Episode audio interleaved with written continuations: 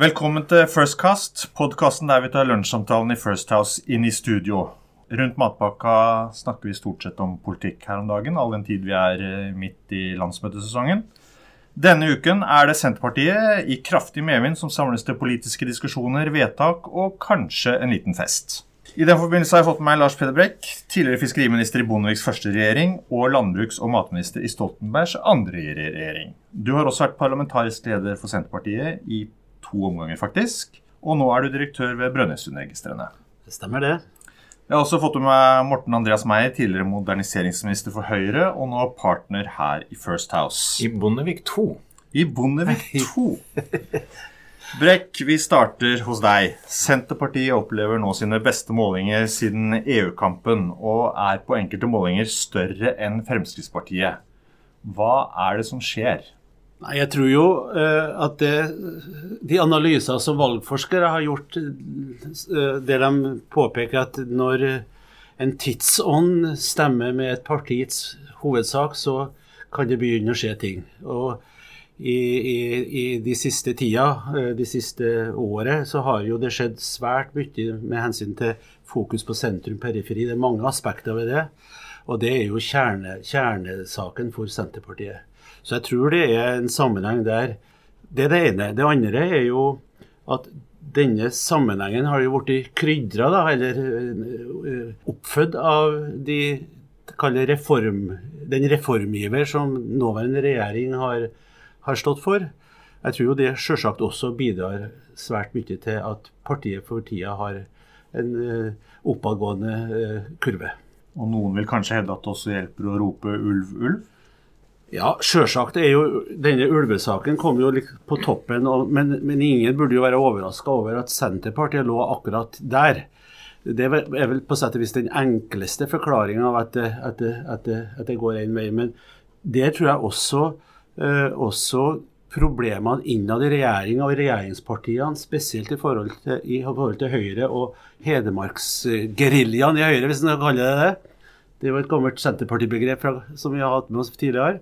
Men uh, akkurat nå så har det jo vært uh, kanskje mer fokus på det i Høyre. Jeg tror det har vært også en, en viktig bit i, i, det totale bildet. Da Gunnar Gundersen har jo nærmest tatt uh, Hedmarksgerilja-ledertrøyen etter Andreas Hagen, sjefsredaktøren i Østlendingen, som egentlig var leder av Hedmarksgeriljaen. Um, så er jo Senterpartiet flinke til å glemme at de også står bak det rovdyrforliket som dagens regjering faktisk uh, gjør sitt beste for å forvalte. Og jeg tror dette dreier seg om noe langt mer enn rovdyr og om ulv. Det er, det er også blitt symbolet på sentrum-periferi og uh, kall det Utkant-Norges oppgitthet over å ikke bli hørt, eller å bli snakka til av en av en, det som blir fra deres side oppfattet eh, som en elite. Og så blir det en eh, bekreftelse på en stor avstand som, eh, som gagner Senterpartiet. Så tenker jeg også Lars Peder, at ja, det er åpenbart at Senterpartiet treffer tidsånden, men, men, det svekker jo heller ikke partiets mulighet til et godt valg at det nå er fred og fordragelighet i partiet. At de personkonfliktene som rei partiet for to, eh, for, for to, og fire år siden tilbake, eh, nå er borte, og at det er stor oppslutning om dagens partiledelse, og at eh, partiet også har en rett og slett trivelig partileder som det er lett å like. Han kommer jo fra Hedmarken, hvor det kommer mye trivelige folk fra. Han ler jo mye, i hvert fall. Ja, jeg er jo helt enig i det. Og det er klart at, klart at, at det var en særdeles vanskelig situasjon, spesielt etter at man avslutta regjeringsperioden med Stoltenberg. Det er klart at, at, at man greide å legge på plass en, en, en løsning der som har vist seg å være fremtidsretta. Det, det, var helt avgjørende. Og det er klart at ingen parti lever over godt med de konflikter som en hadde, hadde, hadde før det. Og, og, jeg er helt enig i det som Morten her sier, at uh, Trygve Magnus Vedum har, har, stått frem som en klok leder i, i denne situasjonen. Han har på sett og vis prøvd å binde ting i hop i stedet for å skape splittelse. Her og der så registrerer jeg at han møter kritikk fordi han bruker samme retorikk som Trump. Hva tenker du om det?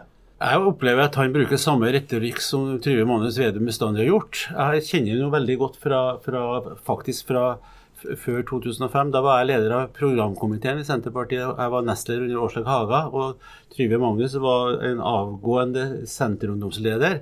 Og jeg henta han inn som sekretær for denne programkomiteen. Og, og jeg opplever at han er en klok og dyktig og veldig målbevisst politiker som har vokst veldig de siste årene. Trygve er jo eksempel på en politiker som snakker til sine og som hver gang han får anledning, minner kjernevelgerne sine om hvem de skal, eh, hvem de skal stemme på. Jeg, jeg synes Sammenligningen med Trump blir for dum. Det jeg tror kommer til å bli Trygves og Senterpartiets utfordring um, fram mot 11.9, 11. er at han, han, og partiet står i fare for å bli for enspora. At det blir at det blir litt karikert til slutt, og at det bare dreier seg om, kall det sentrum, periferi, og eh, Trygves veldig sterke oppmerksomhet på det Senterpartiet og han hevder er sentraliserende reformer. Politikken inneholder så mye mer enn det. Politikken kommer til å, eller Valgkampen kommer til å bringe oppmerksomhet også inn mot andre saker.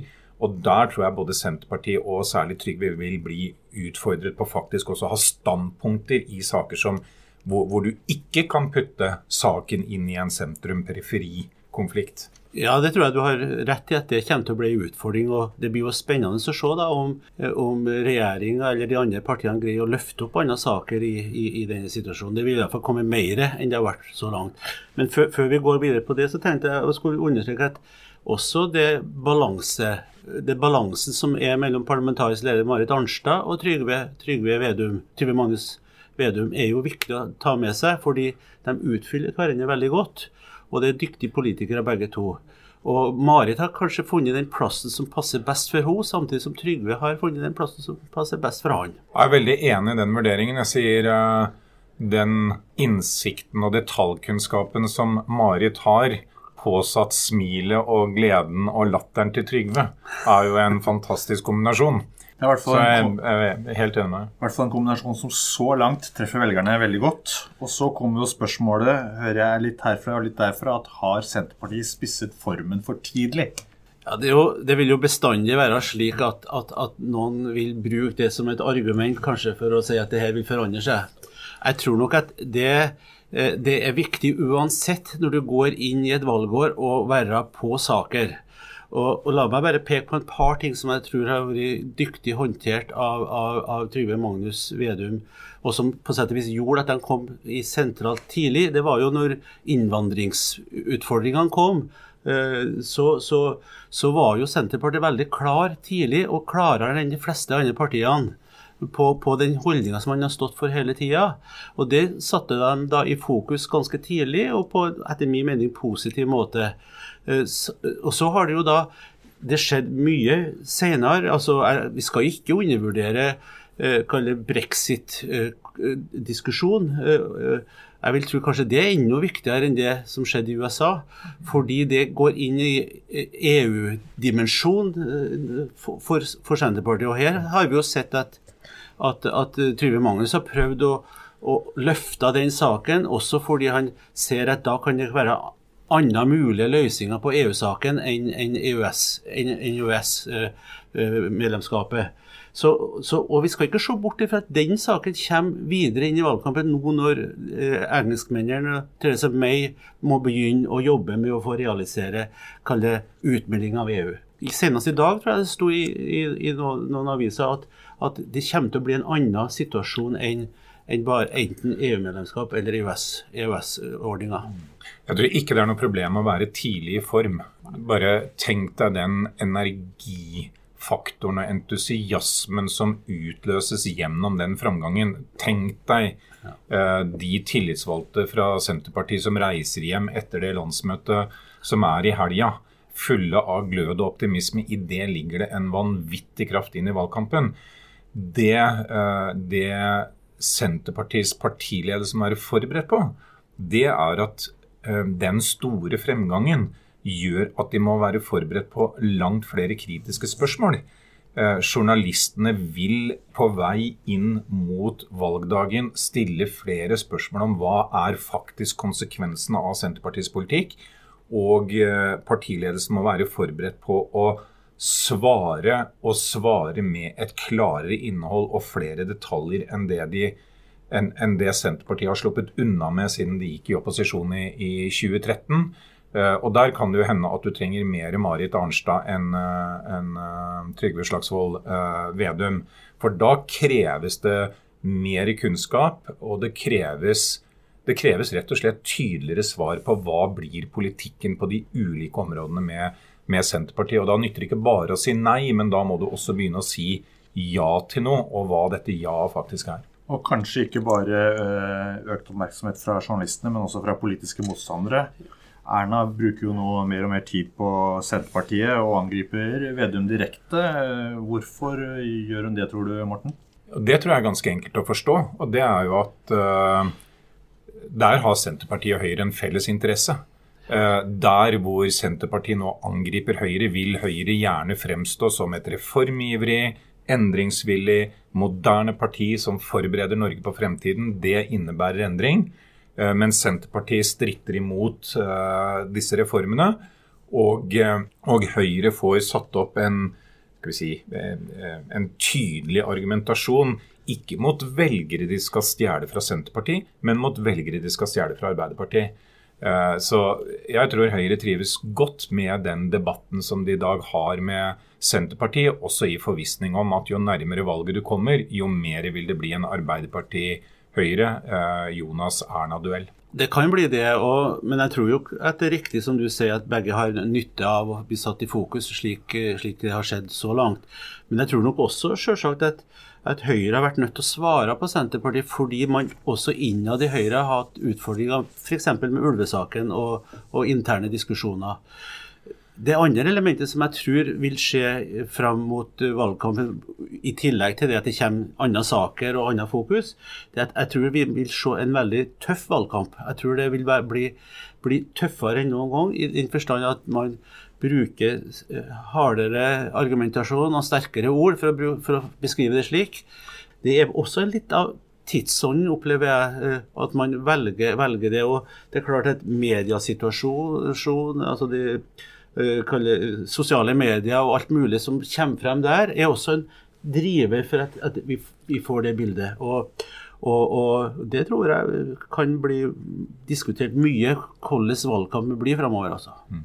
Lars Peder og, og, Håkon, jeg tenker at sånn, Høyre får nå brukt en måned eller to til å få bekreftet den manglende endringsviljen i Senterpartiet.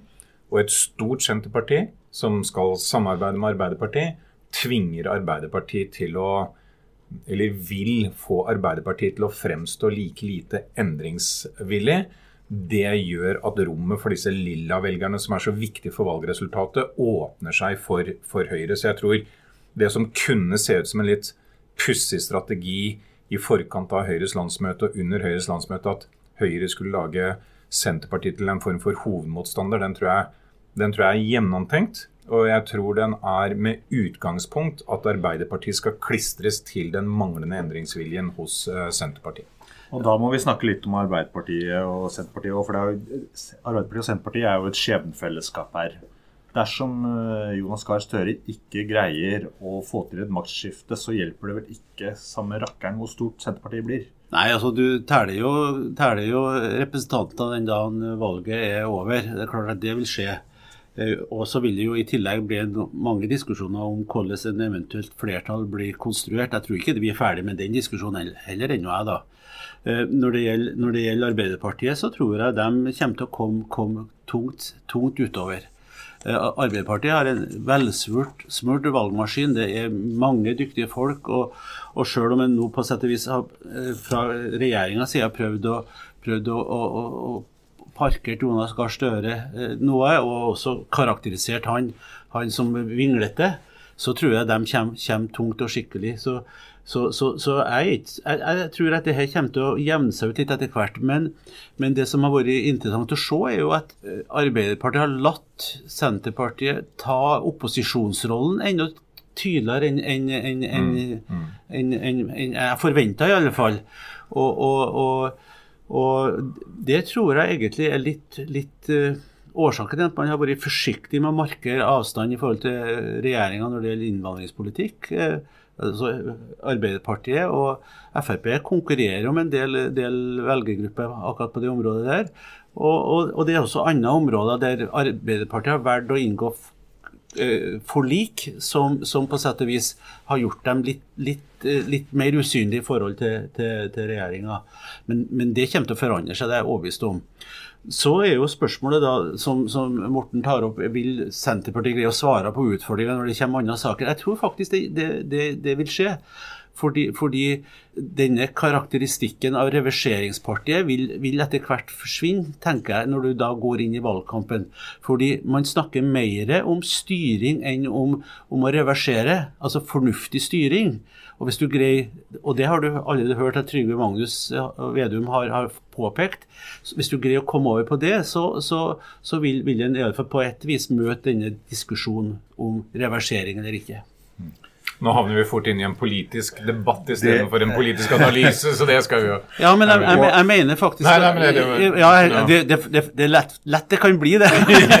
men, men, poenget mitt er bare at, at her vil partistrategene lete etter veier som svarer på de utfordringene du, du, du, mm. du drar opp. Og jeg tror, tror Arbeiderpartiet vil komme kom tungt, som sagt. Det, er derfor jeg sier jeg syns ikke det er noe farlig å være i god form. Nei, uh, men, men det stiller noen nye krav til uh, innholdet i debattene og til presisjon og til, til, til kunnskapen.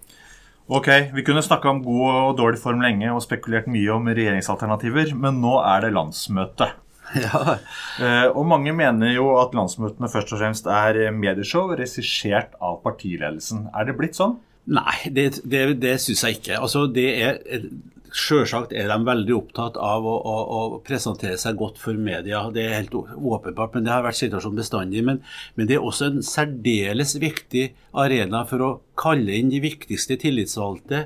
De som, er, de som står løpet rundt omkring i hele landet, og, og, og få, få, dem til å være stemt for å gå inn i en tøff valgkamp. Så jeg tror altså det, det landsmøtet er en både en, en, arena for å styrke sjøltilliten og, og, og, og, ikke minst styrke trene, trene, seg til den tunge og tøffe valgkampen.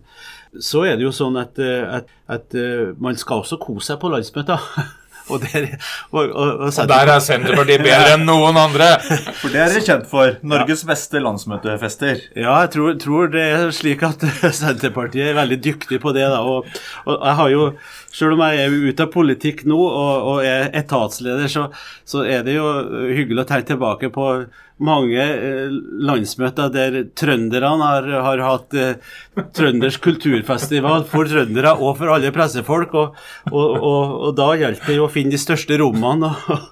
Og, noen ganger har jeg hatt det og det vara og rakk altså natta rundt i, i, noen tilfeller. Men samtidig så bidrar jo det til et god stemning og, og mye, mye engasjement. Vet du hva jeg forbinder med Høyres landsmøter? Det var den helga vi skulle stille klokka fram. ja. Så det nachspielet som i utgangspunktet holdt på altfor lenge, det ble jo enda lenger fordi du plutselig det ble enda kortere til ja, til morgenen. Til morgenen. Da takker vi for den ørlille ørelille sniktitten inn i landsmøtefestene. Eh, takk til deg som lyttet til oss. Mitt navn er Håkon Borud. Og husk at du kan abonnere på podkasten vår i iTunes eller Android. Og har du noen ønsker om tema vi bør diskutere, eller gjester vi bør invitere, så send oss gjerne en melding på Firstcasts Facebook-side.